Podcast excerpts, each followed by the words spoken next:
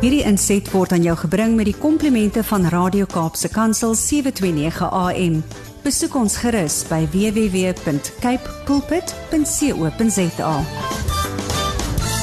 Dis vir ons so voorreg dat hy vandag weer saam met ons kuier en met ons deel en dit is Jannie Pitter. Jy spel dit soos 'n patter. Jy gaan nou altyd dink aan golf as jy dink aan Jannie se van, sommer maklik te onthou. Jy kan hom ook gaan opsoek daar, um, dan sal jy meer inligting kan kry op sy webtuiste oor wat hy alles doen.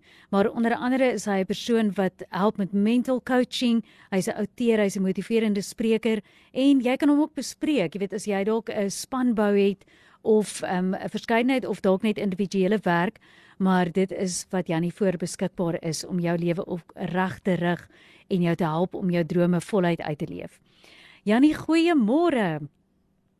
Ag Almarie, dankie vir al daai bekendstelling. Ek waardeer dit regtig.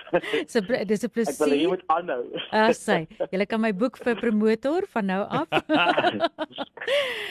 ja nee, ons begin eers gou op 'n ligte noot. So vandag wil ek en Brad net eers weet, ons praat oor um hosting a party or attending a party. Is jy die persoon wat daarvan hou om die partytjie in te bied of wil jy dit gaan bywoon? Nee, ek sal hom gaan bywoon. Yay! okay, dankie. Nee, ek sal hom gaan bywoon. Maar as ek braai.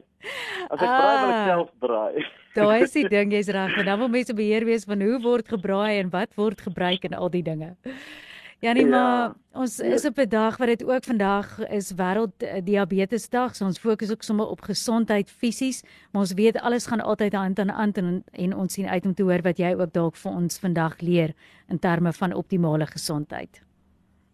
Ag, dankie Almarie. Weet jy, ek wil sommer net sê, ehm um, gesondheid is is is 'n iets wat met mense brein gepaard gaan. Soos wat jy dink, so gaan jou liggaam reageer. Mm. En as dit nou vandag wêreld uh, diabetesdag is, dan wil ek mense sê vrees is waarskynlik die grootste oorsaak van siekte. Ja. Want wanneer jy vrees ervaar, dan beteken dit jou liggaam skei endorfine uh, vry wat so toksies is, dis soos gif.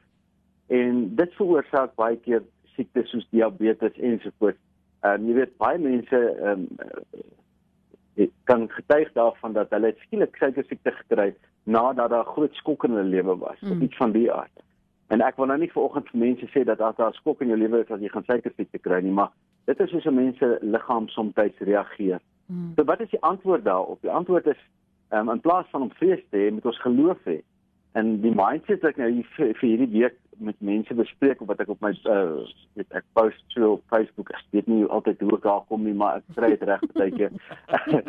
Ehm um, so ek het nou nie groot daarop nie, maar ek, ek het nou my my paadjie wat ek dit, dit doen en ek post hom elke Sondag so is is weet jy wat daar's iets in ons lewe wat amper so erg is soos vrees en dit is oordeel. Mm. En en wanneer ons iemand anders oordeel. Nou ek ons ons kan na ander mense kyk en jy kan in jou kop kan jy baie keer mense sien wat dinge doen wat totaal en al dwaas is. Nou nie dat ons 'n opinie daaroor nie, maar ons weet verseker dat sommige goed is dwaas. Die woord sê vir ons baie duidelik. Maar wat ons nie moet doen nie, is ons moenie ons mond oopmaak teenoor dit nie. Dit beteken die oomblik wanneer jy praat oor iemand anders se dwaasheid. Mhm. Kry daar iets by jou in. En dit dit is 'n amper 'n verantwoordelikheid dat jy mag nou nooit so dwaase ding doen nie, want jy oordeel nou iemand anders. Ja. Dis hoekom die woord sê is ehm um, laat moet jy nie mense oordeel nie laat laat die oordeel aan God oor. Ek het nou um, ek ek lees hom vanoggend in dit is net voor my oop. Sê don't say I'll pay you back for the wrong.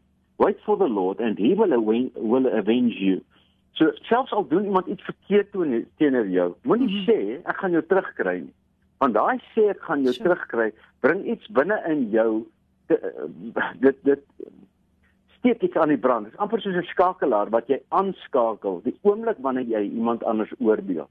Ja. En ek wil nou vir mense uitdaag hierdie week is vir, vir ons wat nou luister op die radio vanoggend, dis nou waarskynlik volwasse mense met die kinders in die skool. Maar baie van ons is uh, ouers van kinders. Is wanneer 'n kind of iemand iets wil sê oor iemand anders, dan sê jy weet jy wat? Kom ons hou liewer ons mond, want as ons ons mond hou, dan gaan daai goed nie by ons eie ore in nie. Ja. En dan kan dit nie jou liggaam aan die brand steek nie, want dit is letterlik jy steek jou liggaam aan die brand die oomblik wanneer jy iemand anders oordeel. Want Hmm. daai oordeel wat jy uitspreek, is die vlam binne in jou. En dis nie 'n mooi vlam nie. Dis 'n vlam wat seer brand. Dis 'n vlam wat stikkend brand. Dis nie 'n 'n vlam van liefde en 'n vlam van lewe nie. Dis 'n vlam van dood. Ja. So ek wil vir mense net sê is wanneer jy iemand anders oordeel, moet jy letterlik verstaan. Nou vat jy die lighter en jy steek jou binnekant aan die brand, want nou staan jy verantwoordelik teenoor alle ander mense en veral teenoor jouself om nie 'n fout te maak soos wat daai ou nou um, in jou opinie gemaak het. Ja. Ja, Ja, so nee, dis my woord vir hierdie week is moenie iemand anders oordeel nie, want jy ken hom nie. Ek dink nou net terwyl jy praat en ek moes nou regtig ook my eie hart evalueer want ons ons doen dit nie soos wat mense tipies sou dink, jy weet jy dink baie keer as jy 'n ander ou geoordeel het, moet jy dit hardop sê of jy moet dit vir hom gaan sê dat ek oordeel jou. Maar ons doen dit wanneer ons 'n koerant optel. Jy kyk na 'n berig en jy dink, kyk wat het hierdie persoon gedoen. En of jy Mm. jy kyk hoe iemand optree as jy in 'n winkelsentrum opstap, jy weet is en hulle tree dalk op soos wat jy nie sou nie. Maar is so maklik vir dit om in ons harte te leef sonder dat ons dit ooit, jy weet, verbaal gedeel het. Is ek reg as ek so sê? Ja, weet jy wat, almal ons moet onthou die wêreld is vol van Satan. So wanneer jy na die wêreld kyk, gaan jy Satan se dinge raak sien. En die antwoord is wees 'n meester van die wêreld, nie 'n slaaf of 'n slagoffer van die wêreld nie. Want as jy 'n slagoffer is, dan beteken dit hierdie goed steel jou vreugde. Dit maak jou kwaad, dit maak jou bekommerd, dan is jy die slagoffer daarvan. Hmm. Maar as jy die meester is van die lewe, van van die dinge van Satan, dan beteken dit jy sien dit, maar jy sê wat God. Maar God gaan my dinge verander. God doen dit vir my anders.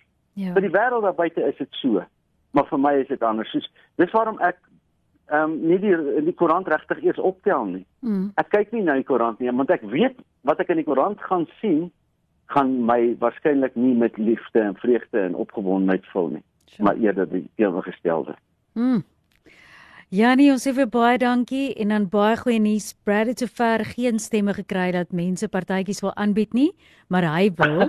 So ons almal is sover uitgenooi na die volgende partytjie wat Brad gaan hou. It would seem like that's the only thing. I mean, even someone said here, and this is possibly what Yanni's thinking about. it, Jacqueline says here, um, actually, was 'n partytjie bywoon, dan kan ek loop wanneer ek wil. Ja, dit is nogal die belangrike ding nee. Is 'n mens kan loop wanneer jy wil. Anders moet jy vir die mense laat verstaan hoor jy so is 'n bietjie tyd. ja, presies. Ag Janie, ons waardeer jou so baie. 'n Geseënde week en ons gesels weer volgende week met Dieselfde jou. vir julle. Kry jy julle ook alweer. Bye bye. Hierdie inset was aan jou gebring met die komplimente van Radio Kaapse Kansel 729 AM. Besoek ons gerus by www.cape pulpit.co.za.